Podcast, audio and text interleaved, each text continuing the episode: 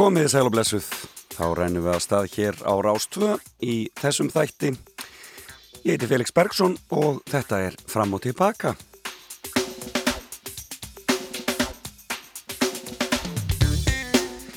Já, hann er daldið uh, rallítill um sjónamæðurinn þennan morgunin e, og má rekja það til e, flensunar sem kemur frá barnabjónunum og hefur nú lagst á rattböndin en e, við látum sem ekkert sé og, og tökum þetta á brjóstið og vonandi fyrirgifið mér að vera daldið, daldið mjóróma í þessum þætti. Dimrataður, við vorum að ræða við hérna við Ævar Örni Jósefsson að maður er doldið verið doldið eins og Kristinn Hallsson þegar svona gerist. Hann er að glíma við þetta sama eins og þið kannski hefðu þá en í staðan ætlum við þá bara að spila fylgta músík og leifa viðmælendum mínum að blómstra í dag en þau eru frábær. Fyrst alltaf, e, e, eftir nýju ætlum ég að ringja en Axel Ómarsson country söngvara heyra nýja læginu hans og bara heyra aðeins hér um hljóðið. Hvað hann er stattur og svo er það hérna fimmann sem hefst hér eftir östutta stund. Þá sest hún hjá mér. Hún Björk Vilhelmsdóttir. Og um, ætlar að sita hjá mér hér. Og um, tala um fimm áhrifavalda. Það var nú aldeilis áhugavert. E, mikil baróttu kona Björk og um, fyrirhundi borgarfulltrúi og vinur Palestínu á samt ímsöður og við vitað Um, e, já, er hún ekki félagsfræðingur eða e, ég vil ræða þá eftir hvað, nákvæmlega hvert, hvert starfsveitið er. En e, veðrið er nú eins og það er við bara erum daldur glöð hér sunnan heiða því að hann skellti sér í norðan og hann alltaf skýt kallt á landinu. En það því það er svona semfélag bjart hjá okkur þannig morgunin og fallegt að að, að líta út minnst ekkursti og um, enda er, er sólinn svona. Uh, verður hún yfir okkur hér á söðvesturhóttinu í dag.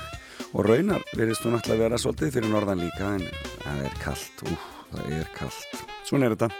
Við bara njótum þess hvar sem við erum og klæðum okkur eftir veðri. Og lagdagsins er að sjálfsögðu tilengað sólarglennunni sem við erum að fá hér sunnan heiða. Ómar Ragnarsson klikkar ekki. Og við höldum okkur í sömarmúsikinni ekki bara sömar og sól. Já, er káttum borg og bæ. Börnin syngja ha ha hæ. Sólinn skín, sæt og fín. Brosandi á börnin sín. Allir krakkar út í leik. Ólmast nú svo glöð og keik. Engin tollir inni við, ef út er sólskinnið því nú er sumar, sumar, sumar og sól. Sumar, sumar, sumar og sól. Börnin eru alveg veik og æsta fari einhver leik. Sum þau fari í stryk og stóð, í stórfiskaleikin svo. Sumir fari tegju tvist og tippla þar af hjartans list eð í sipp og snú, snú, snú og sandkassin er vinsætt nú. Strákar fari fimmura hart og fótbolla þeir spark í mark. Í drautakóng þeir keppast við og klifrum vegg og hlið því nú er sumar, sumar, sumar og sól. Sumar, sumar og sól og upp við veggi virðist hér. Verpa ekki hvar sem er kátt og gladvært krakkasaft en hvorki gæst nér hrapp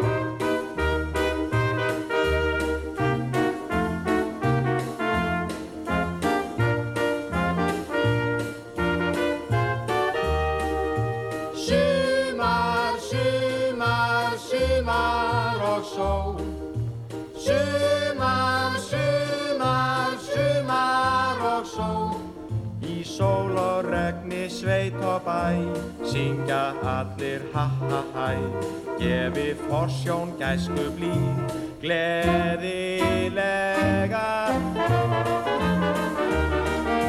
Gleðilega sumartíð Hann er stórkostlegur, er og verður Ómar Ragnarsson. E, það fyrir að líða því að Björk Viljánsdóttir setist þér hjá mér. Skulum heyra nýja lagi frá Kirjama Family. Þannig er hún Hulda Kristín Kolbrunadóttir, meðlumur og gagnamagninu í fararbrotti. Frábær söngkona og þetta er skemmtilegt band Kirjama og uh, hér syngjaðu Pleasant Ship og svo byrjum við Björk Araba.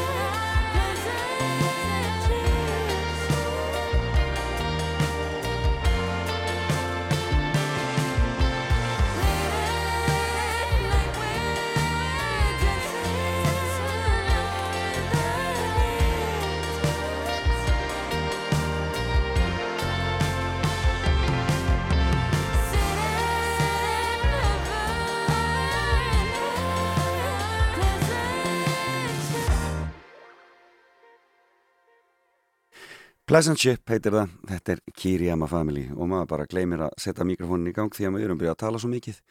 Hún er sest hjá mér, Björg Vilhelmsdóttir, eh, eh, félags eh, ráðgjafi. ráðgjafi. Ég, sko, ég, það, það, ég held að sé sko, að röttin hún fer upp í heila að, að, að maður hættir að hugsa. Velkomin. Takk fyrir það Gaman að og góðan daginn ágættur hlustendur. Gaman. Ég er svo glöð að vera vöknuð. Það er alltaf búið að segja við mig gegnum tíðina morgun stund gefur gull í mund. Hún en- gerir það sko. Já, ég hef ekki bara prófað það. Nei, akkurat. Fyrir núna þá er ég bara alltaf komin í, hérna í efstaleiti svona eldsnemm á lögatarsmónni. Já, þurfa félagsráðgjafari semst ekki að mæta snemma í vinnuna eða hvað. Jú, jú, sumir sem að ég man að þegar ég var á landsbytalanum í fimm Já, ár, já. þá var alltaf bara morgunfundur klukkan átta og mér fannst það mjög erfið ár og hérna og fór svo að vinna og hef bara unnið á stöðum síðan þar sem ég fyrir svona aðeins fekk ég að ráða meira mínu vinnutíma Já, sko. akkurat.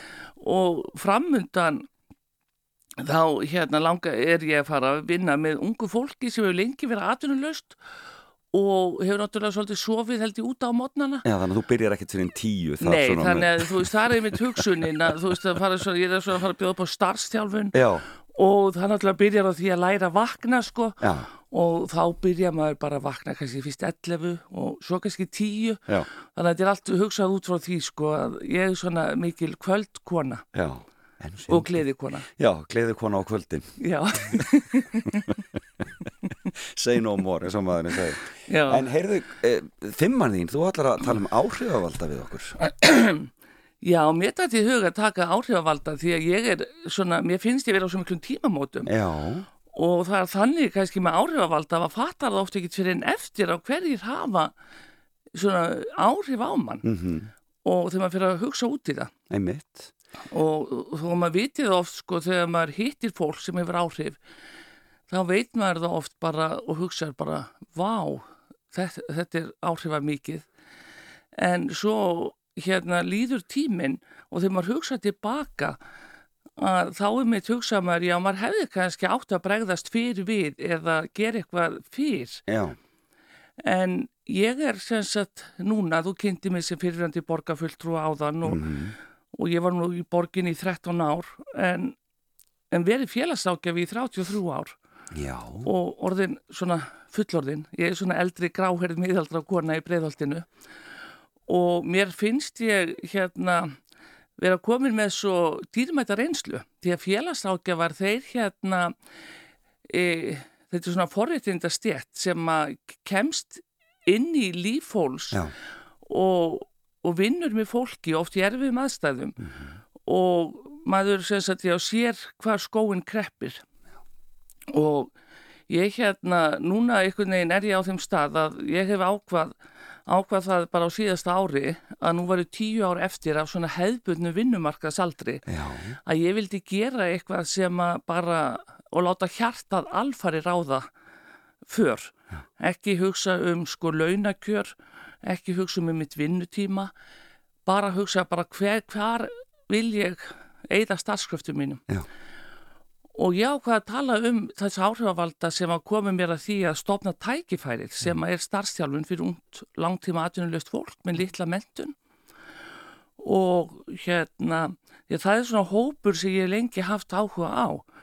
Það er henni, kannski byrjaði fyrst þegar ég var hjá borginni já, og í krepp efnahagsfluninu þá uh, var þetta svona uh, sívaksandi hópur í borginni sem að ég fekk ekki uh, störf uh, og, og við erum náttúrulega þekkt fyrir það hvað brott hvarfi mikið úr framhaldsskólum. Nákvæmlega, og hérna og við vorum að ræða ímislegt þannig hjá borginni og það voru margt gert. Við stopnuðum með vinnumálastofnun hérna allt í einu manni ekki heldur hvað það heitir sko.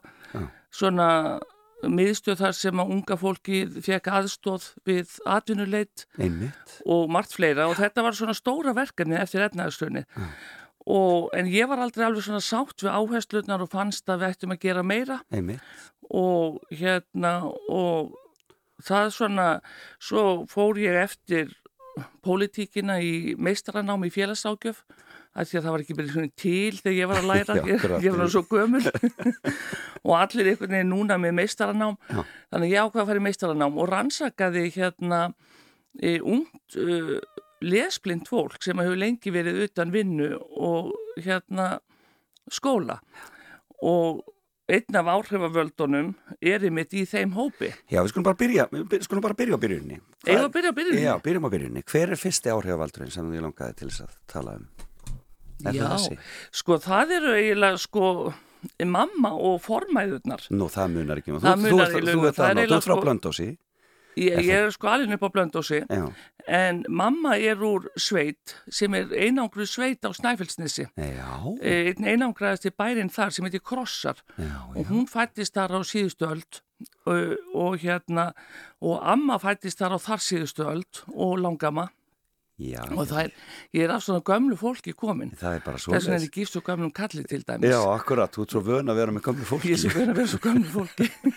En, hva, Nei, hvað en hét- mamma, hún hérna móðir er þín? al, hún hétt Kristín Pálsdóttir. Já, og hún einhvern veginn bara var með þetta í sér að gefast aldrei upp og þegar ég var svo, svo byggum við hérna í Árbænum hérna í Reykjavík þegar ég var krakki og svo fluttist við á Blöndós og ég var vola óþekkur úlingur já, og hérna svolítið misti fótana þarna úlingsárunum og, og fór svona í andstöðu sérstaklega við skólan og, og var svolítið erfið Já. og ég öfunda ekki þá sem að voru með mér þá sko. Og ég gerði allt til þess að svona brjóta reglur og, og endaði á því að ég var náttúrulega rekin hérna á níundabekk sem að þá var svona tíundabekkur og mamma, hún og ég gerði allt til þess að hætta í skóla. Og hérna en ég átti mömmu sem að bara gafst ekki upp og sagði bara þú heldur áfram í skóla og mamma var á undan sinni samtíð og sagði sko mín börn, þau fá ekki að hætta fyrir þau eru annarkvæmt með stúdinspróf eða sveinspróf. Það var bara svo og hún var alltaf að tala um stúdinspróf eða sveinspróf. Já. og núna fyrst árið 2021 er búið að setja þetta sambarilegt, gera þetta sambarilegu námi. Nákvæmlega. En mamma, hún fekk bara svona sveitaskóla, farskóla og þurfti að hætta 13 ára gömul. Og hún hafði svo mikla minnimátt að kendi við því. Já. og hún sagði e, mín börn verða að klára stúdisprófið að sveinspróf. Og hvað, en hvað, hvað gerði hún? Var hún húsmóður fyrst og fremst eða? Já, hún, já, hún var húsmóðir og svo pappi var apotekari á Blöndósi Já, og hún vann alltaf í apotekinu. Já, ég skil. Og svo voru við fimm börnin fætt á sjö árum og hún, það var náttúrulega stórt heimili Nákvæmlega. en þannig hún bæði vann sérst heima og í apotekinu. Ertu þá yngst sískina þeina? Nei, ég er í miðjunni. Ég hérna, ég og sýstir sem er tveimur árum eldra ég, Já. bróðir einu ára eldra ég og svo tvo yngri bræður. Ná, Þetta var mjög mikið fjör. Og byrjuðu þá að eignast börn eða svo leysi? Nei, þegar mamma var held ég, já kannski fyrir þann tíma, ég Já. held að mamma var 26 ára, þau Já, voru bæði 26 ára þegar eldri sýstir mín, já sýstir mín fættist. Já, Þannig að það var frekar seint. já. Þau fættu hana sem sagt í Danmörku og mamma var alltaf að vinna þar á Sandi Jósefspítala og meðan pappi var í námi og, og nunnurnar sögðu við mömmu að nota bara brjóstakjöfina sem getnaði vörn og þess vegna kom bróði minn 14 mánuðum á eftir sístu minni og það þótti bara sérstöku óhefni Já, og svo kom ég 14 mánuðum á eftir honum og þá sagði pappi, heyrðu þess að nunnur kannski hafi enga reynslu. það gæti bara alveg og verið. en ég get þakka þessu nunnum á Sandi Jósefspítala í Kaupmannahöfn að ég er til sko Já, akkurat. En móðin, móðin lagði svona mikla áherslu á þetta. Já, en, já, svo var ég sem sagt þarna orðin svolítið óþekkur úlingur og, og vildi hætti mi- námi Miðbarnið, algjörlega, algjörlega sísti típist miðbarn Já, mjög svona alltaf að reyna að ná aðtiklinni og og ná tínu plássi. og ég hérna og var ekki inn og mamma bara barðist fyrir því og sagði þú færði ekkert að hætta. Nei. og þá átti að fara hérna að koma mér í hérna reykjaskóla í Hrútafyrð og taka samræmdu prófin þar. En þá hérna var hinn áhrifavaldurinn, nummið tvö. Já, það er hann Þórhallur Jósefsson sem að lengi var fréttamaður hérna á ríkisútvarpinu. Setna aðstofamaður ráðherra Átna Mattísen sjálfstæðismadur, það er nú ekki vera Nei, og hérna, en Þórhallur Jósefsson hann var þá sem sagt eh, bara kennar á blöndósi ekki komið með kennararéttindi við vorum alltaf bara með svona nýstúdenta. Hann var svona kennari sem hafði gríðarlega áhrif á mig og hann hafði trú á því að ég gæti lært sem ég hafði enga trú á. Að því að ég náttúrulega var svolítið sein að lesa og ég vissi ekki fyrir en löngu löngu setna að ég væri líklega lesblind. Því ég var bara barinn áfram sko að lesa, lesa, lesa En, og mér fæst ég vera voðalega vitlaus og hann hérna hafði trú á mér. Og ég gleymi því aldrei þegar hann kom ykkur tíman og sagði við mig Björk, þú getur það sem þú ætlað þér. Og ef þú vill læra og ég veit þú getur lært, þá átt að læra. Og ég hérna og ég bara mani þetta og ég man ennþá þegar við tókum þetta samtal. Já. ég veit í hvaða stofu við vorum hann á grunnskólanum á Blöndósi og Þórhallur, þetta hafði svo mikil áhrif á mig Já, að ég hérna einhvern veginn trúði því. Og hann og mamma gerðu samkomulag um það að ég ætti að taka samrændu prón á blöndósi og ég mætti, og hann, því að ég hefði nú brotið í mitt gegn honum þegar Já. ég var hérna þannig að því ég var ekki úr skólanum. Hva, hvað varst að og, gera? Hvað varst að gera? Varstu, varstu að með ég var búin að, ég, ég var með kjáft sko, ég var bara búin að rífa kjáft og þetta, þetta er svo fyndið. Og á ég að segja þetta hérna sko? Já, og við þig sko. Mér finnst þetta svo spennand að vita hvað þú gerðir sem að var til þess að þeir ætluðu bara Heyrðu, ég var á þessu tíma, ég og einn bekkjasýsti mín, við vorum búin að til að vera að reykja í tímum og þú veist, við vorum í því að storka öllu, sko. Já, Og hérna, og þú veist, þetta er svo fáralegt, því að mér finnst ég svo ung Já, og manni finnst einhvern veginn lífið í dag eins og það bara eigi að vera. Já. Og hérna, Þú að reykja í tímum. Þetta er svona, ég vorum að rifja upp einmitt í gerkvöldi, ég var með hópi fólk sem var að rifja upp þegar, við, nefndur í hagaskóla mótmæltu harðilega þarna, vegna þess að, að kennarðin fengi að reykja inni en nefndunum þurfti að reykja Úti. já, ég hérna sagði við Þórhall, heyrðu, þú ert helvitis hommi. og bara, og það var bara það hræðilegast að sé til Hægt var var á þessu tíma og þetta er náttúrulega fréttist í skólan og mig úr Umsvifalaust, skólanum fyrir já. þetta. Já. þetta er náttúrulega, maður segir ekki svona um fólk. Já, enginn komin í gleðigöng á þessum tíma. Nei, það var sko ekki gleði ganga og ég veit ekki, ég veit ekki, ég hef aldrei hugsað út í það. Og Þórallur ekki einu sinni, sko, homma lefur fyrir einni neitt, sko. En einhvern veginn, þá rakast út um mér. Já, og ég var já, og hérna en hann, hann og mamma þau ákváðu það að ég fengi að fara aftur í skólan og gerðu samkomlag um það við skólastjóran að taka mig aftur inn já, með skilurðum en ég þannig ég tók samnönduprófun og blöndósi og ég er náttúrulega fjall í samnönduprófunum ég var algjörlega já. bara á þeim stað í lífinu. Já, og ekkert hlægilegt við það. Nei. En ég hef, þegar ég hef talað á hérna, félagstákjafa þingum þá hef ég stundu sínt engunablaðið mitt úr grunnskólanum á blöndósi þar sem að ég fjall í því að, og kannski bara minna félagsákjafa á að við megum ekki gefast upp á fólki nei, akkurat því að hefði nú ég gefist upp á sjálfur mér Einmitt. og mamma Já, og og Þórhallur Þorallur og þessi áhrifavaldar þá væri ég ekki það sem ég er í dag og ég er svo þakklátt mömmu Mhm. þannig að ég náttúrulega komst ekkert í MA eins og eldri sískinni mín þannig að ég fór í Reykjóldsskóla í Borgarfyrði Já. reynda með bestu vinkunum minni og, og fullt af öðrum krökkum frá Blöndósi þannig að við skiptum svolítið árgangurinn. Þeir sem fór í Reykjaskóla og þeir sem fór í Reykjóld í já, og ég fór þangað. Og ég var eiginlega bara ákveðin í því líka áfram að bara fokka upp skólakerfinu. En ég fekk mitt skona miða frá mömmu, ég var ekki um 16 ára. Mhm. og ég fekk miða frá mömmu þar sem stóð Björk Vilhelmsdóttir eh, má reykja í héraskólanum á Reykjóldi áttu þetta með það já, já, en að miða en þá þetta er hérna myndi hér. og ég hérna, þannig að ég mátti reykja og það var náttúrulega eh, bara skilir að ég færi í skóla, ég Já. mætti reykja Já.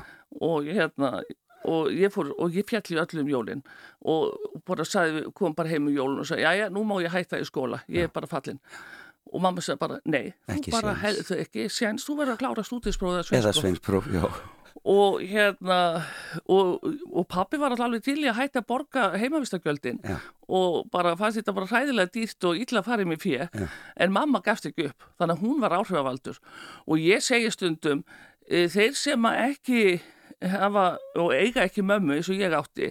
Þeir þurfa svona félagsákjafi eins og Já, mig akkurat. sem að er ekkert elsku mamma. Já. því að maður má ekkert þú segja bara já við krakka sem er á þessum stað sko. Meðvirkni er algjör óþarfi. Það, það, það var verið svona töff lover. Já, akkurat. ég er svona töff lover og ég hérna eins og mamma sko. Já, og Ég ég, fór aftur í Reykjolt skóla eftir áramótin. Já. Og svaf yfir mig hvern einasta tíma og það var mikið ég gerði allt þess að mæti ekki sko en ég var samt í herbyggi með Kristínu Guðjóns vinkun á Blöndósi Já. alveg dásamlegt sko hún eh, fór oft á undan mér og faldi vekjara klukkuna ofan í svona e, ál ruslatunnu já, og hún faldi vekjara klukkuna á ýmsum stöðum þegar hún fór á mótnana til þess að hérna láta mig vakna Já, sko. já. En þarna, það gekk nú ekki vel á vormisirinu því að ég hérna bara var ennþá bara ekkert að hugsa um nám. Já. Og síðan fórum við eftir þetta fjórar vinkonur frá Blöndósi saman og fórum að búa í Reykjavík. Og ég, við fórum allar í fjölbreytti 16 Breitholti. ára Eða 17, þá erum við 17, 17 ára. 17 segja. Og við hérna fórum í fjölbreytti Breitholti og þar fann ég mig. Hvað gerðist þar? Hvað var það sem Ég bara var komin í eitthvað umhverfi sem að ég fílaði, Og þroskin bara kom? Eða... bara þroskin Já, kom, ég held það. já. Bara aðeins eldri og maður einhvern veginn bara áttaði sig á því að það þýtti ekki eftir að ég meina ég er það að sko, það að klára stúdinsprófið eða sveinspróf, Já. bara með góðið Það var bara búið að segja þér það Það það. áttir ekkert val og mamma létt papp, pappa borga öll skólagjöld alveg sama hvernig ég hagaði mér, ég Já. var búin að falla þarna ítrekkað og þannig að ég var bara þurft að læra. Og þarna allt í hennu fann ég mig. Og það var rosalega gaman og ég var þarna í Var þetta ekki skemmtileg skóla á sínum tíma? Jú, Breiðholti? alveg aðeinslegt, það máttu reykja. Innan dýra já, það var sérstakt hús, Já, og hérna, það sem var ekki góð líkt í það sko en nei, það trú reykja. en þetta var bara mjög góðu skóli. Já, og ég fór þarna, já, í fjölbraut og það bara gekk ágætlega þegar ég fór að læra sko. Frábært.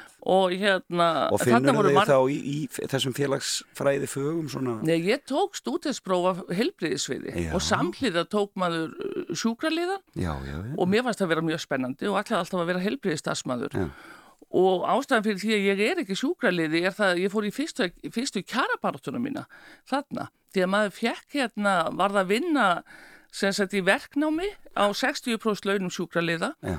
í þrjá mánuði á öldrun, þrjá mánuði í svona sómatík eða svona í líkamlegum Já. hjúgrun og þrjá mánuði í hérna á svona skurðlagnisviði og ég hérna e, var búin að vera að vinna alltaf á hér að sælun á Blöndósi e, og vann með hjúkunarfræðingum og að því að ég var að læra til sjúkraliða þá fekk ég að gera bara allt sem að hjúkunar dætt í huga að kenna mér og var, fekk óskaplega góða kennslu.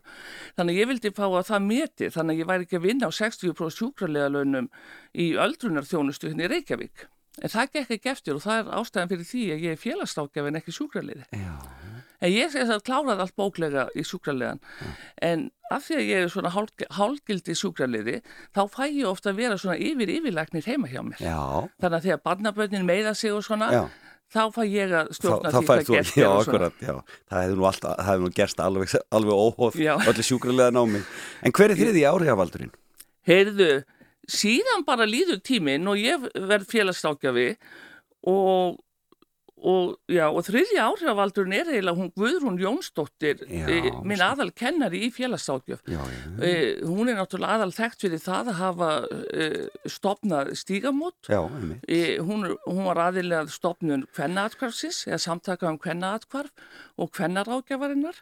Þannig að Guðrún er félagsákjafi í, í hvað? Guðrún, já, já, hún er doktor í félagsákjaf. Já, Og hún kendi og mín kynslu félagstákjafa lærðum svo óskaplega mikið af henni.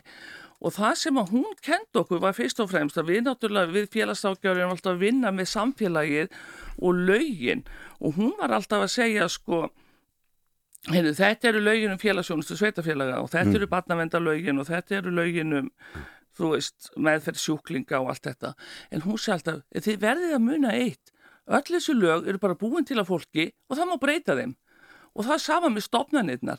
Þegar við vorum að tala um stopnarnir, hún sagði, þetta eru bara stopnarnir og þær eru búinar til og þeim má breyta. já, Þannig að Guðrún Jónsdóttir, hún var svona, kendi manni það að taka engu sér sjálfgefnu. Nei. Hugsa alltaf, ok, þú veist, það sem er til, er búið til af fólki. Ef að það er ekki að þjóna fólki, þá bara breytum við því. Já, Og hún var náttúrulega svona þessi stóri breytingavaldur í þjónustu, innleiti í rauninni svona kvenna félagstákjöf, Mhm. innleiti það og við vorum nefnendur, vorum með henni í því að stopna hérna vinnuhóp gegn sifjaspellum sem að vann svo að stopnum stígamóta, ráðgjafa nöðunga, nöð, nöðgunarmál Já, og ég fór í það að vinna fyrsti sjálfböðlir í kvenna ráðgjöfinni á námsárunum og fór svo og var svo í kvenna ráðgjöfin held ég í nýju ár, var framkvæmt að stýra þar í fimm ár, já, samhliða því að vera á landsbytalanum á kvennadild, ég var alltaf bara í svona kvennamálu já, einmitt. Og var svo í mitt fyrsta starfsári mitt, eða fyrsta starfsár stígamóta, þá vann ég á stígamótum.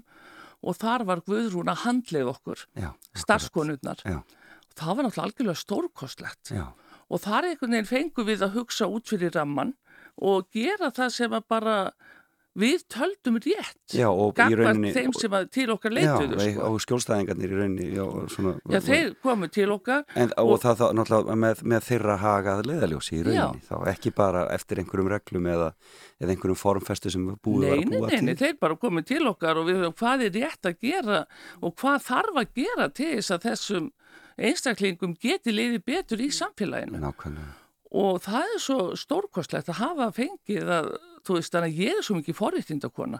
Ég er fengið svo mörg tækifæri í lífinu, þess vegna er ég að reyna að stofna tækifærið fyrir aðra sem ekki hafa fengið sér tækifæri. Brilliant. Hafi ekki átt svona mömmu eins og ég átti, hafi ekki haft Þórhall sem grunnskólakennara sem sagði bara, heyrðu, þú getur lært þó að ég trúði því ekki sjálf.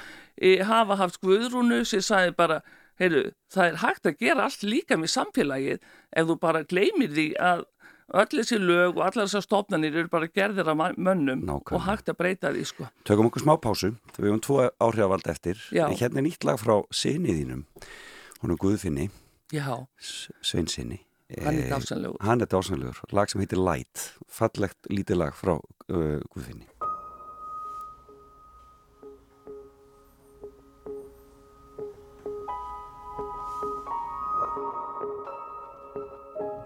I feel I'm awake with you.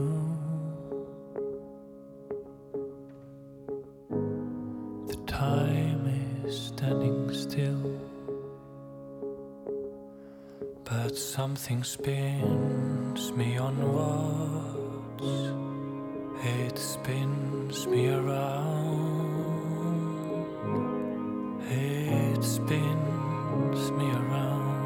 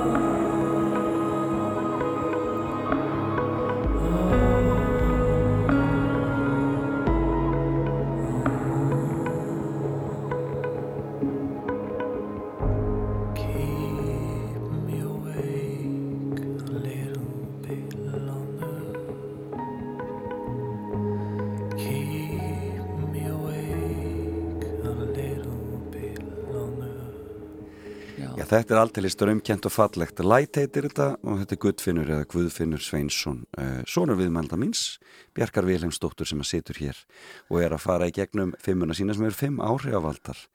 En talandi aðeins um börnin þau, þau eru á kafi í músík. Já, og hérna eru svona áhuga sömum um, um, um tónlistina. Já, við, það er eitt af mínum forréttindum að hafa eh, haft uh, bara getu og tækifæri til þess að bjóða börnunum upp á tónlistanám strax frá upphafi. Já, og þau hafa nú aldrei kunnað að meta það og Guðfinnur alltaf samhlið og öðrum störfum verið í tónlist og er núna að gefa út uh, svona eitt og eitt lag og stefnir á albúm eins og heitir í dag, ekki plötu. og hérna með eigin tónsmíðum og, og hann spilar og svo líka syngur hann og spilar klassist Einmitt. Og svo er Kristín dóttir okkar, hún er hérna óperusönguna Þau fóru bæði í söngnám sem Já. sagt. Já. Þau fóru bæ, Og tóku bæ tónlistarnám. náttúrulega söngnám hér heima og hún kláraði svo uh, B.A.próf í Vínaborg Já. í gamla tónlistarháskólanum þar og fór svo til skalaóperunar Já. og söng þar fyrst, hún var í svona, svona skala stúdíó og svona internship eða hvað heitir það svona Já, já, starfsnámi hjá skala og var svo ráðinn í framhald af því og þetta var 2015-16 svo fór hún til, með þeim í tónleikaferðala til Kína. Og hérna þá var við að opna e, Risa óperuhús í Shanghai.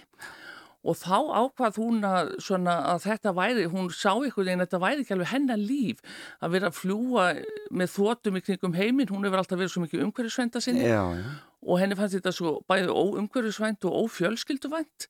Og hún var búin að kynast honum gísla sínum og hérna og langaði bara að fara að stopna fjölskyldu. Þannig að núna hún kom heim Já. bara mánuði fyrir COVID Ok. í februar í fyrra og er búin að taka fyrsta árið af tveimur til að læra að vera kennari. Já, já. e, og henni finnst svo gaman að vinna með börnum. Já, giftið sig í fyrra í COVID-inu. Og bara langar að vera sagt að vinna hérna með börnum og að umhverfismálum á Íslandi. En hún alltaf heldur áfram að syngja. en það var að, guðminn álmátunni það voru ekki, þeir voru ekki sáttir hvorki í skalanni í Vínaborg þegar hún nákvæða bara að segja bara, nei þetta er svo óumhverfisvænt já, og, og þetta er ófjölskylduvænt og, og svo er maður bara að syngja hérna fyrir ríka fólki í Shanghai. Nákvæmlega. og hérna henni fannst þetta sem hristir bara, hristir bara hérna, hérna, demantana í stað fyrir að Já. klappa, var ekki þannig? Jú, það var sko hver miði á opnuna tónleikana á nýja óperahúsinu í Shanghai þar sem að hún er eina þarna fólkinu sem er að syngja fyrir skalaóperinu og kostuði mörg þúsund efru Já, henni fannst þetta svo yfirgengilegt Ég að hún sagði bara, heyrðu, þú veist þetta er ekki ég Nei, akkurat. og En hérna, áhugavert. ég er ro- rosalega glöð en, Heyrðu, en við erum í áhrifavöldunum. Við erum í Og- og áhrifavöldunum. það, Sko, við, sko, þetta er, þetta, við, við verðum að halda vel á spöðunum núna, sko. Við tönum svo mikið. Við erum búið með móðu þína eh, og formæður. formaðurna mínar Eh, Þórald Jósefsson og Guðrún Jónsdóttur. En hver er svo fjórði? Heyrðu, fjórði náttúrulega get ég ekki nefnt á nafn en við skulum bara kalla hann Kalla. Já, Þannig er að þegar ég fór í mastersnám 2016 í félagsákjöf þá gerði ég rannsókn á ungu lesblindu fólki sem hefði lengi verið út að vinnu og, og skóla. Og í þeirri rannsókn þá hitti ég sjö einstaklinga á aldrinum 18-30 ára og það var gaman að taka öllu viðtöl.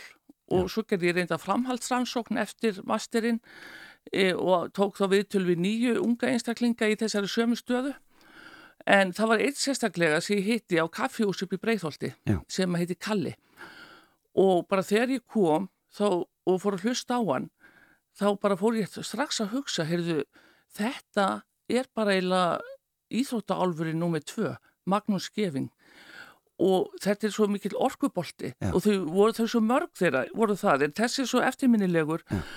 Og þegar ég var að taka sér ansvona viðtöl, þá var ég alltaf að hugsa býtu, vá hvað það, er svo mikið spunnið í þetta unga fólk já, og þessi strákur, hann hefði gert svo ótrúlegustu hluti en það var alltaf verið að reka úr vinnu að því að hann bara var svo illa lesblindur að hann bara einhvern veginn, hann gæti alltaf ráðið sér vinnu að því að hann var svo rosalega klár en hann og funkeraði bara ekki. hann fungeraði ekki þegar þurfti svona einhverja nákvæmni að Já. hann bara gæti ekki lesið þetta nákvæma í tölvunum Einmitt. Og mér fannst svo mikið synd að, að það var alltaf bara verið að reka hann í staðin fyrir þess að bjóðunum að nýta þessa brjálaðslega flottu orku. Og, og hann bara einhvern veginn settist inn í bara merg og bein. Og, og það er svo oft þegar ég er að hugsa um eitthvað og svo þegar ég fór ákvað að hugsa að vinna sjálfstætt þá sem ég langar að vinna með þeim eitt svona fólki sem að fér kannski og getur ekki farið í þessi hefbundu sem þarf að lesa einhverjan, þú veist, smáaletrið En hvernig er staðan í dag? Er, er auðveldara að koma fólki í, uh, í funksjón og í... í, í, Nei, það, veist, er, nei, það er ekki auðveldara Nei. og núna með allir sjálfvirknivæðingunni Já. er alltaf að verða erfiðar og erfiðara einmitt fyrir þennan hóp að komast til starfa Já, og þess vegna, þú veist, er það mín stóra uh, svona löngu núna að eigða mínum svona síðasta æfiskeiði á vinnumarkaði í að hjálpa þessu unga fólki til þess að komast í störf akkurat. þar sem að þau bara fá að blómstra. Og þeirra mér- kraftur og... og núna eru sko búið að vera í alla vetur yfir 3000 manns á atvinnleysisgrá sem eru undir 30 ára aldri Já, eru bara með grunnskólamentun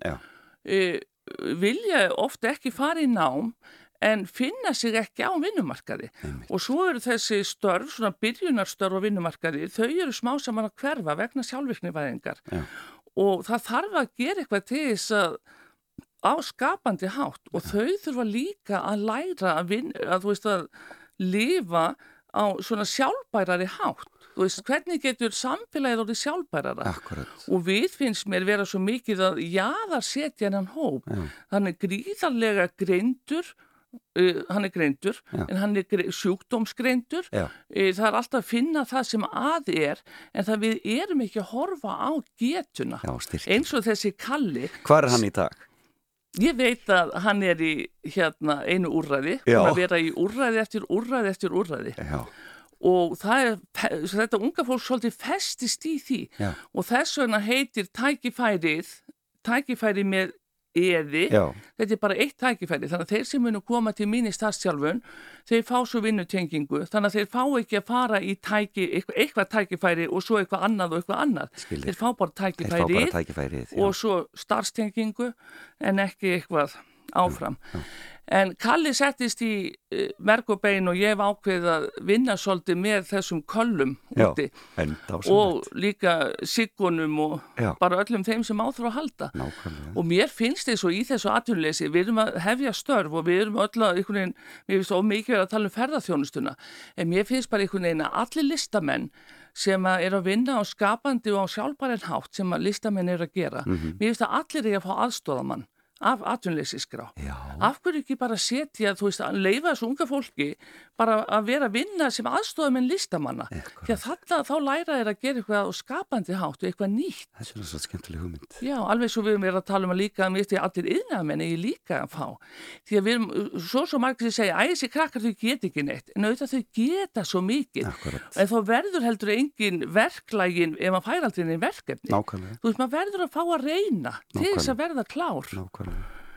Þannig að Kalli, Kalli var fjórði. Kalli var fjórði. Hver er svo síðasti, fymtu síðasti? Heyrðu, ég bara var eiginlega að koma frá henni og hún er búin að vera áhrifavaldur minn bara Já. eiginlega í ára tugi, alltaf jæmt og þétt.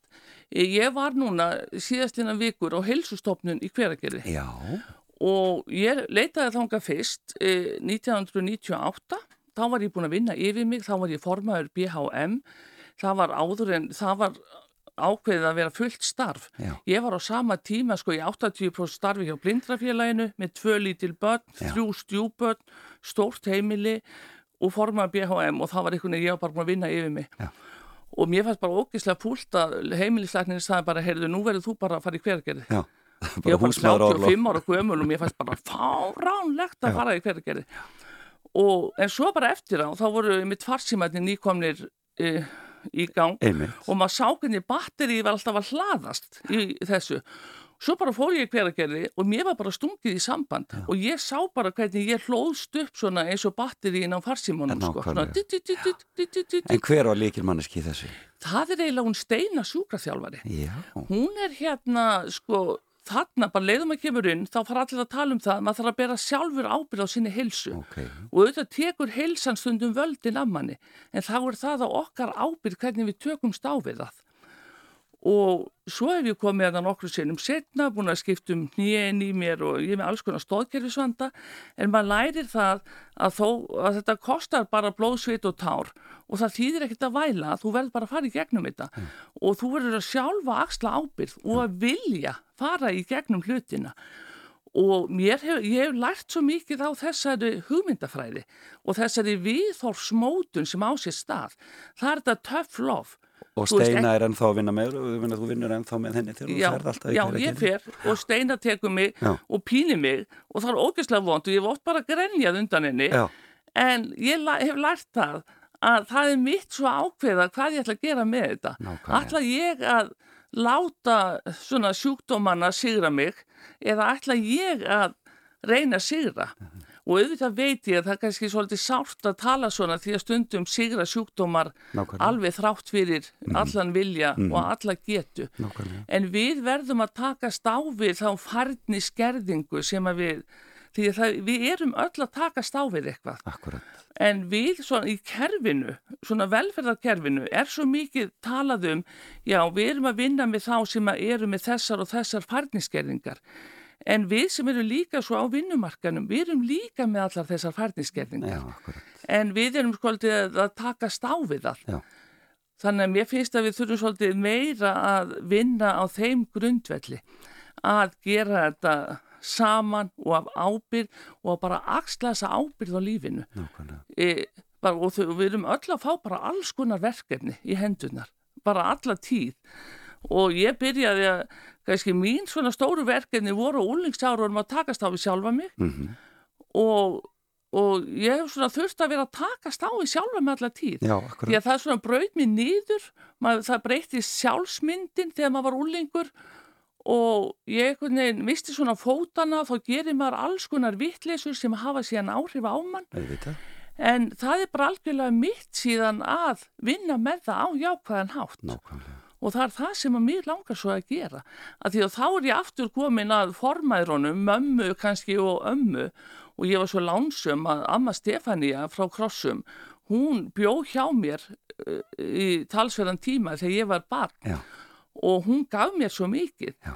og hérna allast upp með konu sem var fætt sko á þar síðustu öll Einmitt. og þar sem að var ekki til eitthvað, það var ekki bara til í hennar bók að gefast upp Nákvæmlega. Og ég er svo glöð að hafa fengið það uppeldi og ég er, hef fengið svo mörg tækifæri í lífinu þannig að núna er ég að fara að skapa eitthvað tækifæri, tækifærið eh, fyrir þá sem að mér finnst helst þurfa á mínum starfskröftum að halda Þetta er og það er þetta unga atvinnlösa fólk sem er bara í massavís að svona sigla finnst mér að fegðarósi Já. ef að ekki er gripið mjög öflugt inni.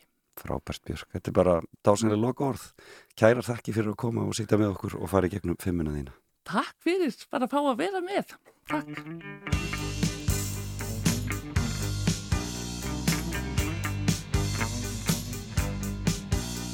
Á morgun er komin nýr dagur og sporin sem ég steig í nóg fyrnast fljótt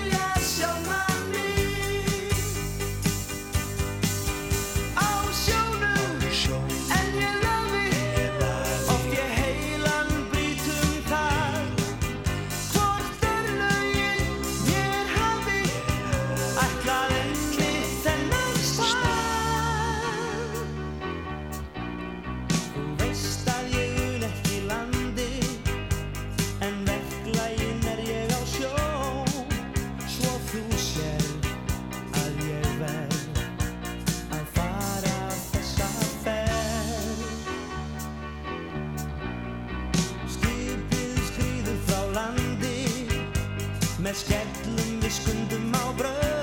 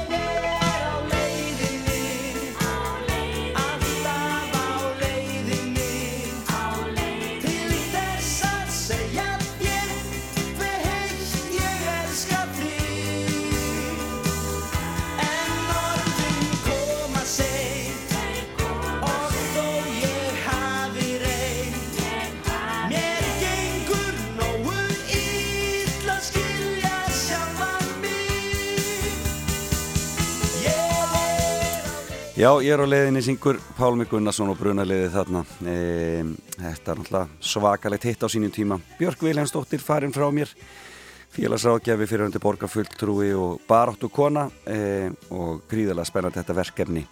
Tækifærið sem að hún vil koma af stað fyrir ungd aðtunulust fólk en áhrifavaldarnir hennar voru form, formaður hennar Kristín Pálsdóttir móður hennar Þóraldur Jósefsson, kennar á Blöndósi Guður Jónsdóttir, félagsrákja og stofnandi stígamóta og ungi lesbrindi maður hann Kalli og svo Stein Ólastóttir sjúkraþjálfari í hveragerði gaman að fá Björk í heimsókn Kúrðu bara áfram og hlustaðu áfram og tilbaka á Rás 2.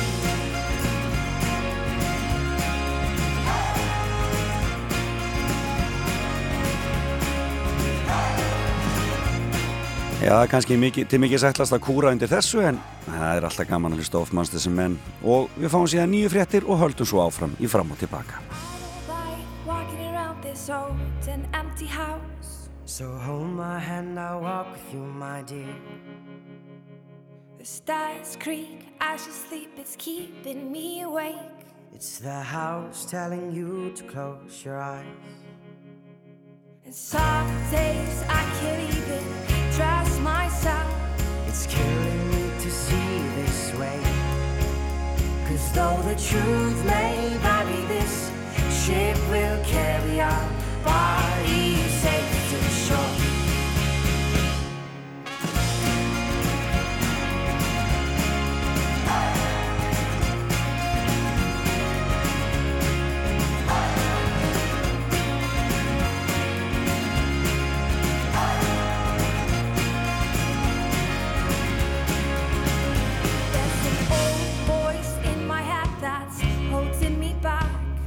Well, tell her that I miss our little talks. Soon it will be over and buried with our past. We used to play outside when we were young and full of life and full of love. Some days I don't know if I am wrong or right. Your mind is playing tricks on you, my dear. Cause though the truth may vary, this ship will carry our bodies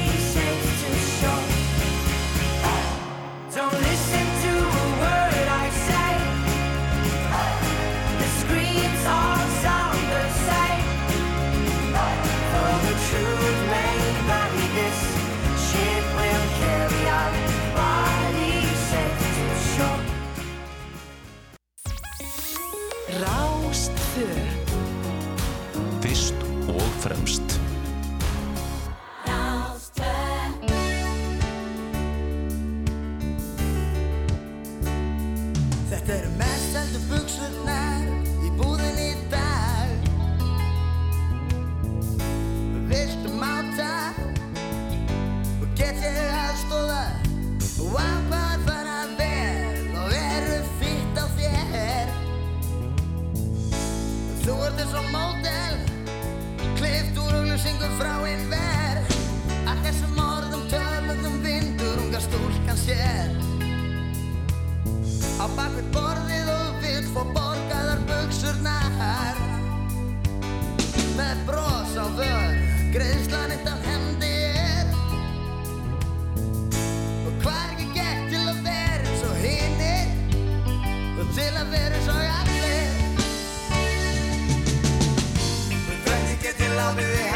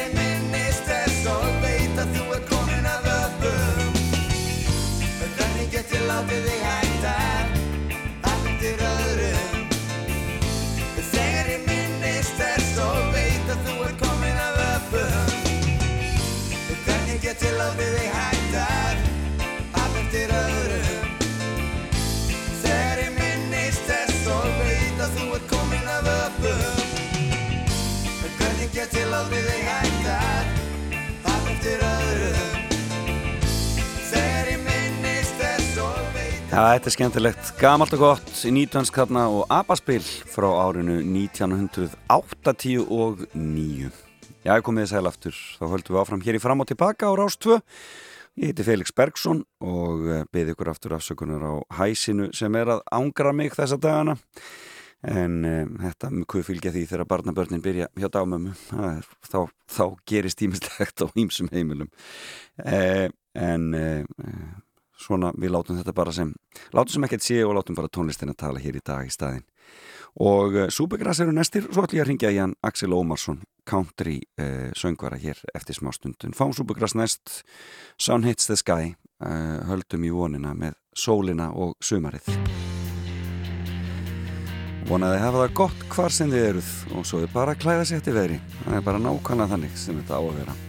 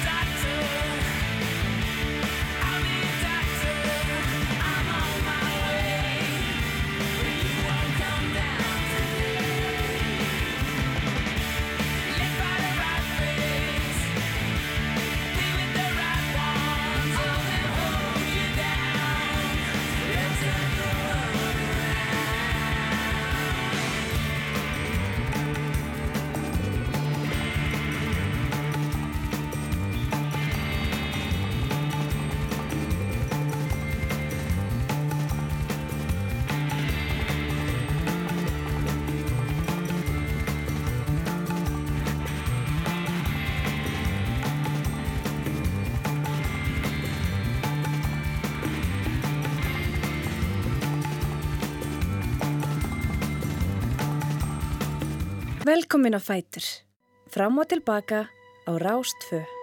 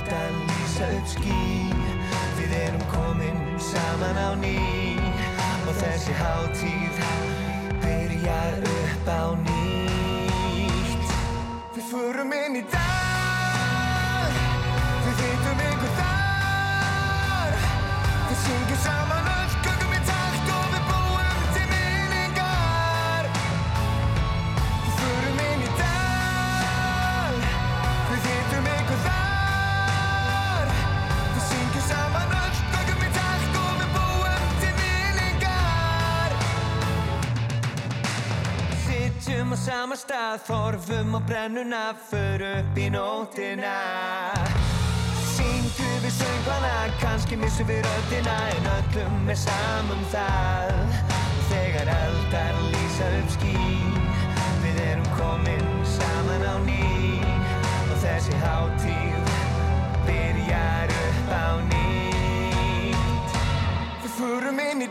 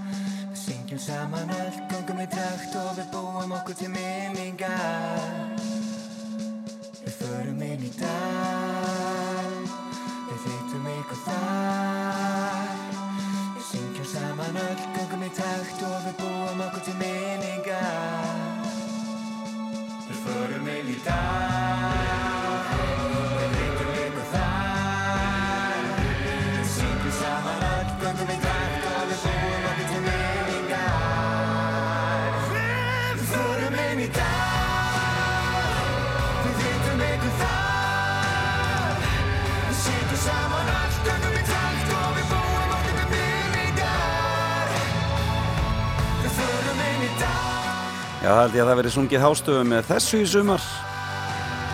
Nýja til dag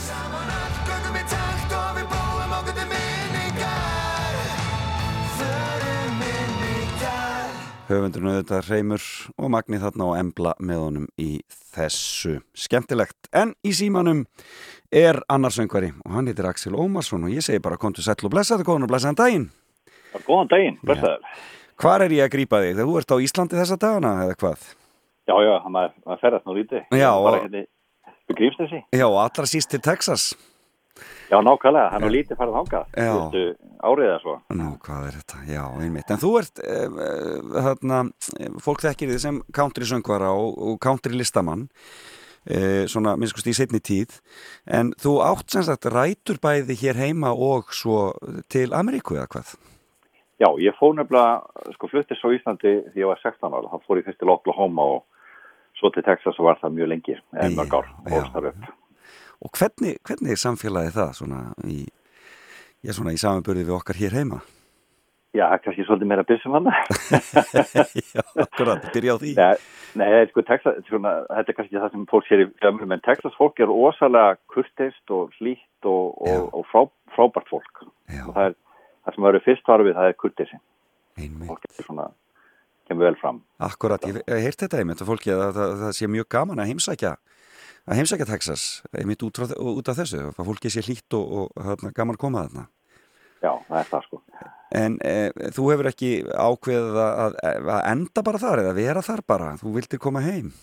Já, það var einhvern veginn þannig, ég var, ég var árið, árið algjör amerikani þegar maður fer svona ungur út og, Já, og ég ég, ég kom einu sinni til Íslands á einhvern tíu árum sem var alveg stand upp og, og þá gerðist eitthvað bara í haustum á mér og ég fór að, fór að langa að koma tilbaka Já, svo því ég var alveg einhvað 26, 7 þá uh, tók ég mig upp og, og flutti aftur til Íslands og, og, og, Já. fór ekki tilbaka nei, það var bara eitthvað við, við Ísland sem að hérna drómi tilbaka Já, akkurat.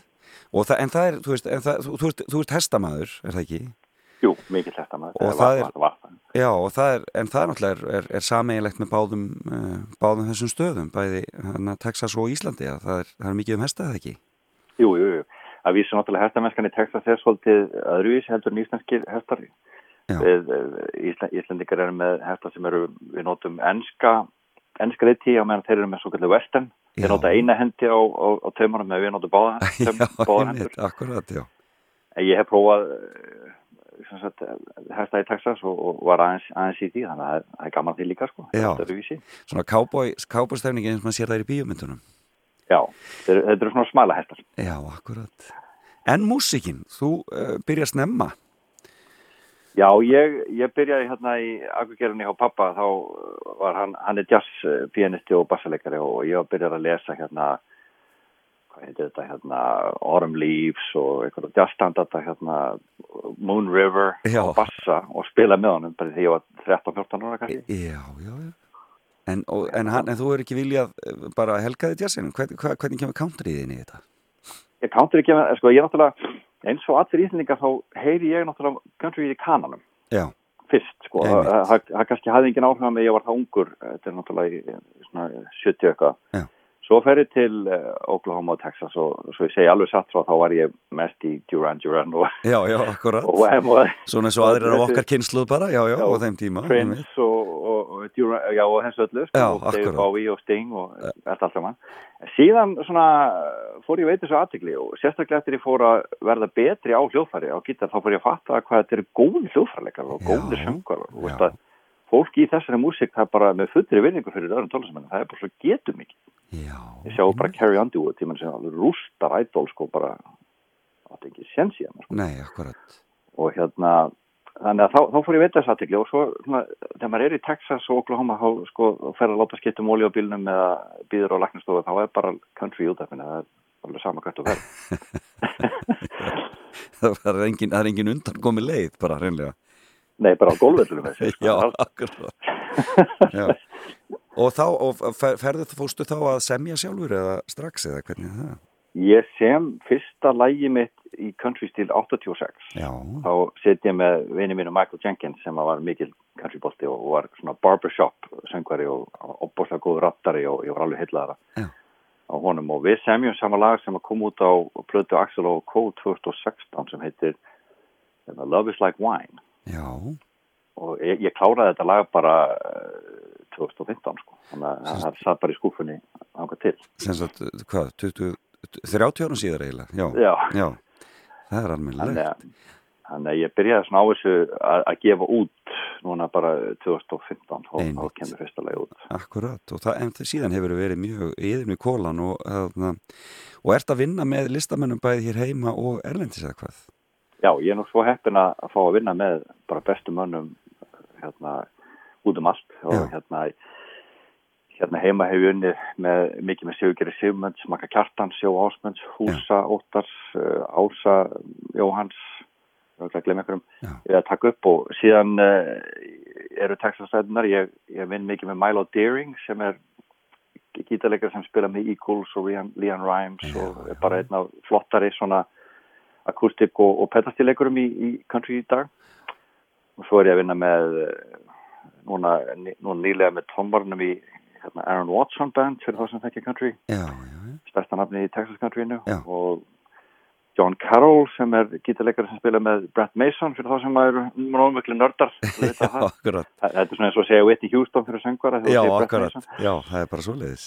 Þannig að þetta eru, þetta eru allt saman alveg frábæri listamenn all, allir frá Texas og, og, og þeir eru rosalega mikið að vinna með þeim sem eru í svona Texas senunni. Já. Og ég menna, og er þetta skilað? Ég menna, er þetta að fá spil og norðið út í Ameríku til dæmis á, á þessa músík þína? Já, ég, þetta er þetta er þriðja, nei fjórðalagi sem ég sendi gegnum maskinna hana í Texas Já. og það er óslega erfitt að komast að það vegna þess að þeir þeir skilgreina sko Texas country er bara sér markaður Já, það er, er ekki svona Nashville mainstream og þú þarf eiginlega að vera frá Texas og ég heldur síðan tveir núna sem eru á undatekningu, það er eitt frá Kanada og ég sem eru með Texas tengingu Já, ok. og þá fáum við spil Já, það er bara svoleiðis. þetta er bara svo leiðis Þetta er almennilegt. En nýja lagið, það heitir, hérna, það heitir Here I Wanna Live. Eh, hvað getur þú sagt mér um þetta lag svona áður en við heyra það? Já, þetta, sko, ég, bý í Grímsnesi og, er svo heppin að geta hort á sóið alla daga. Já, og ég, eins og ég segi nú alveg satt hérna frá, rétt frá þá satt ég þetta daginn að segja var ég að semja ykkur gott lag og maður er að semja ykkur svona með reynslu eða áföllu eitthvað. Og ég sagði, ég, ég er nú bara svo gott að já, akkurat. ég hef ekki áföll til að skrifum Já, að ég leit út á glukkana og segi, verði ekki bara að semja það sem er beint fyrir frammi og þá ákvað ég bara að, semja um hvað er gott að búa í sveitinni. Og, og með tengingu við COVID og, uh, og svona bjarta tíma framvindan og, og sum, þó að sé vetur núna, þetta var samið núna í vetur og, þó að sé vetur núna þá, þá kemur sumar. Já. og, og tíðin mun verða betri. Og svo fekk ég uh, hérna Amy Barnett sem er frægur hérna, lagahöfundur frá Texas til að hjálpa mér sem að klára textan og, Já. og, og við sem semjum það saman. Og lægið eh, sem sagt klára ég að semja með Milo Deering sem, og þannig að ég, þetta er svona Ísland-Texas verkefni. briljant. Ég vissum að, að þú ert fann rækt til að komast aðeins út til þess að geta performerað þar þegar þessu líkur öllu saman. Já, er, ég er einmitt að ég fer síðan í tónleikaferð til Texas í oktober til að fylgja þess eftir. Briljant. Það verður gam, gaman að komast út. Axel Ómarsson, mikið var gaman að heyri þér. Ég bara, uh, ég segi gleðilegt sumar og hafðu það hugulegt við sóið í sömuleiðis. og hérna, við, skul, við skulum heyra nýja lagið. Hér á vonalið. Takk fyrir kjærlega. Takk fyrir. kærlega. Já, blessast.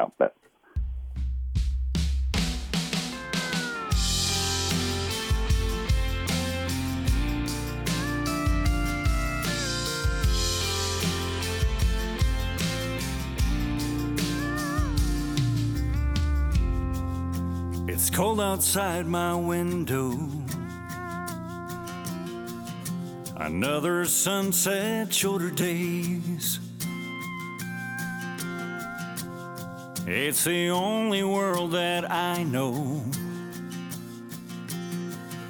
The northern wind blows in my face. Here I wanna live, here I wanna stay. I'm a simple man, God made me this way. And this country is my country. And in these hard and trying times, with all the smiles we've had to hide, I just know how lucky I am to be living here.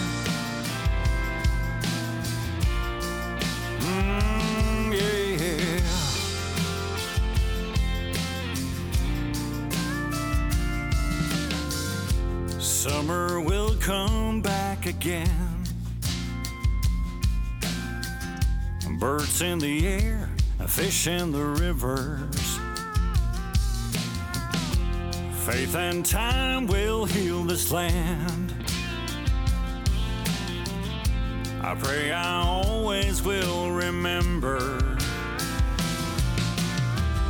Here I wanna live, here I wanna stay. I'm a simple man, God made me this way. And this country is my country. And in these hard and trying times, with all the smiles we've had to hide, I just know how lucky I am. And in these hard and trying times, the smiles we've had to hide, I just know how lucky I am to be living here. Oh, yeah, to be living here.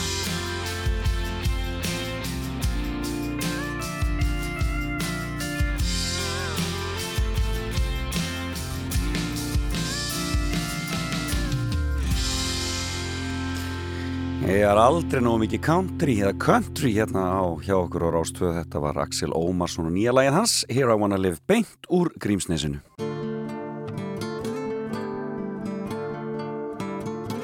Þú ert að hlusta á Fram og Tilbaka með Felix Bergsinni á Rástvöðu.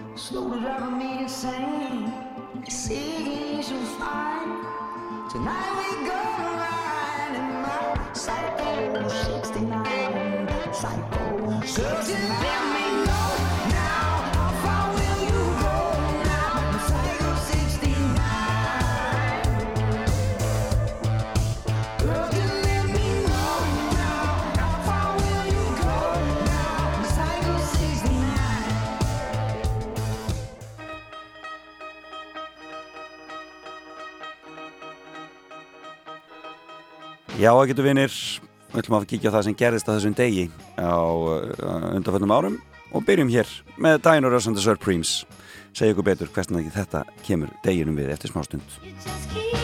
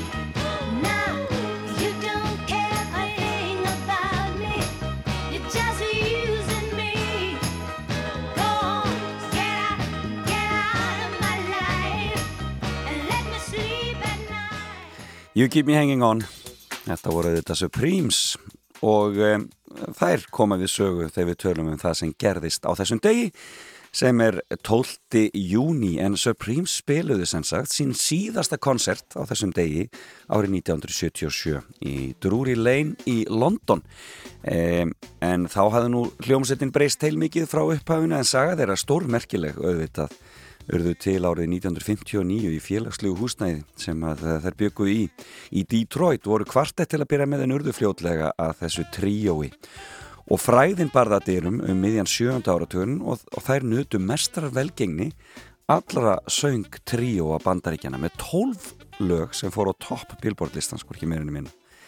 Og frægast var tríóið auðvitað með þenn daginu Ross, Florence Ballard og Mary Wilson en svona það fóra Hallundan fæti þegar Ross yfirgaf hópin og fór í sinn sóloferill árið 1970 en semst kláruðu þetta þarna á þessum degi árið 1977 en förum lengra aftur í tíman því að árið 1550 var Helsingi eh, stopnuð á þessum degi eh, höfuborg Finnlands. Stopnuð að Gustafi fyrsta svíakoningi en eh, svíjar riðið þá Finnlandi og átt eftir að gera allt til ásins 1809 En þá tóku rússar við og uh, stjórnuðu Finnlandi til 1918.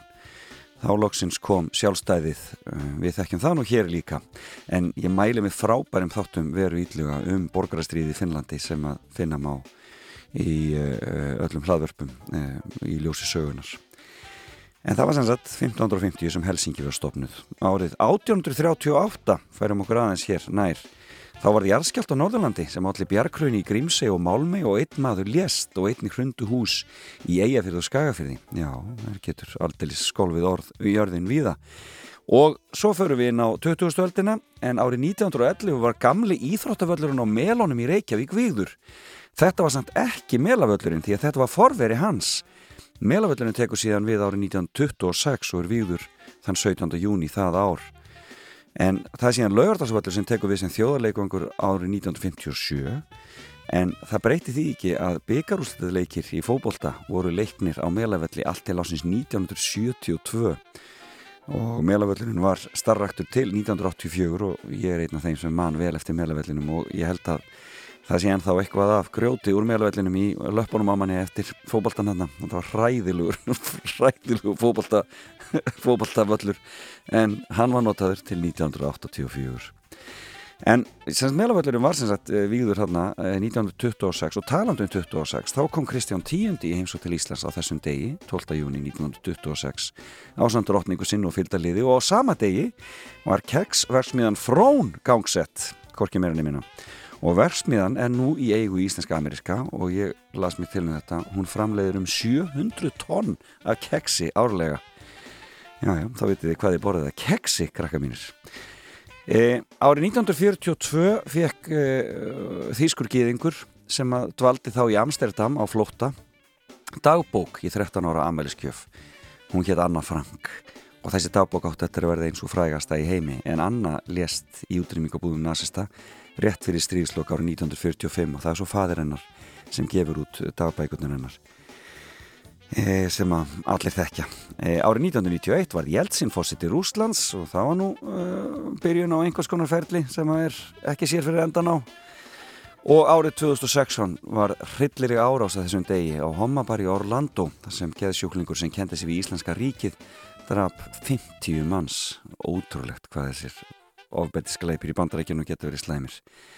E, og e, það nýjasta núna á fimm ára ártíð þessar hræðilegu atbyrða er að e, bandaríska ríkið allar að e, e, vía einhvers konar e, já, einhvers konar minningarskjöld á þessum bar í Orlandóum fórnalum þessar hræðilega kleips En eh, nógum það, árið 1982 voru tónleikar haldnir á þessum degi, tónleikar gegn kjarnorkuvopnum haldnir í New York. 750.000 manns voru þessum tónleikum og með listamanna sem tróðu upp voru Linda Ronstadt og Bruce Springsteen. Já og James Taylor. Hér er hann frá árinu 1981 við frábæra Hör Town 2 og látum þá lokið umfjöldunum það sem gerist á þessum degi 12. júni She's been afraid to go out. She's afraid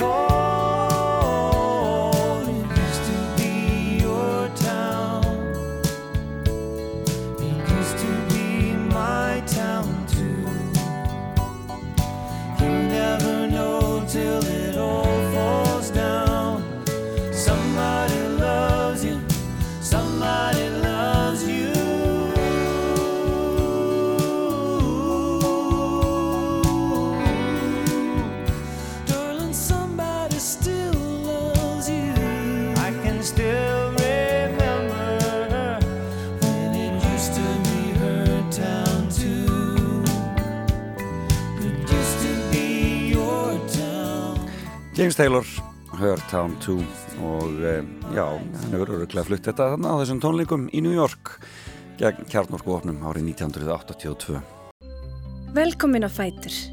Fram og tilbaka á Rástfö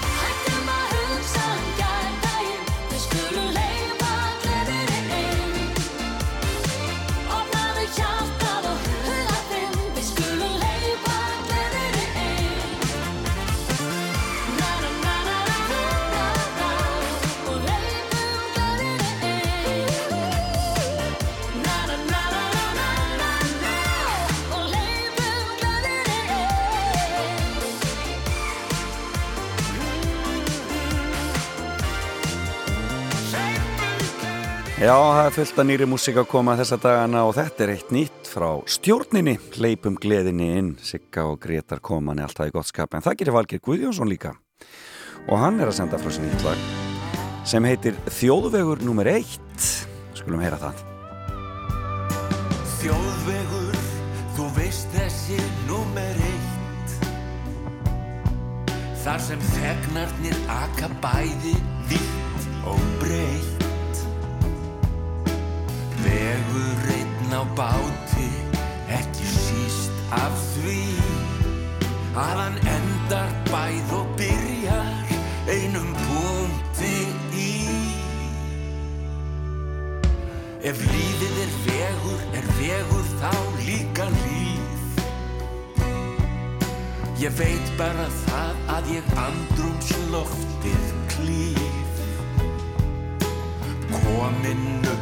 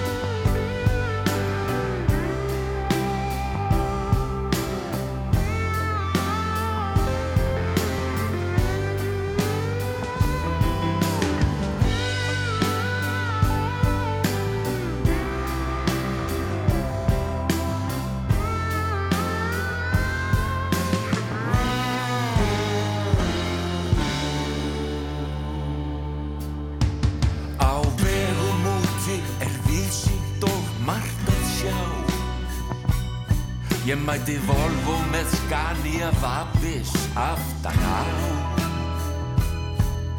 Á bjargi grettir forðum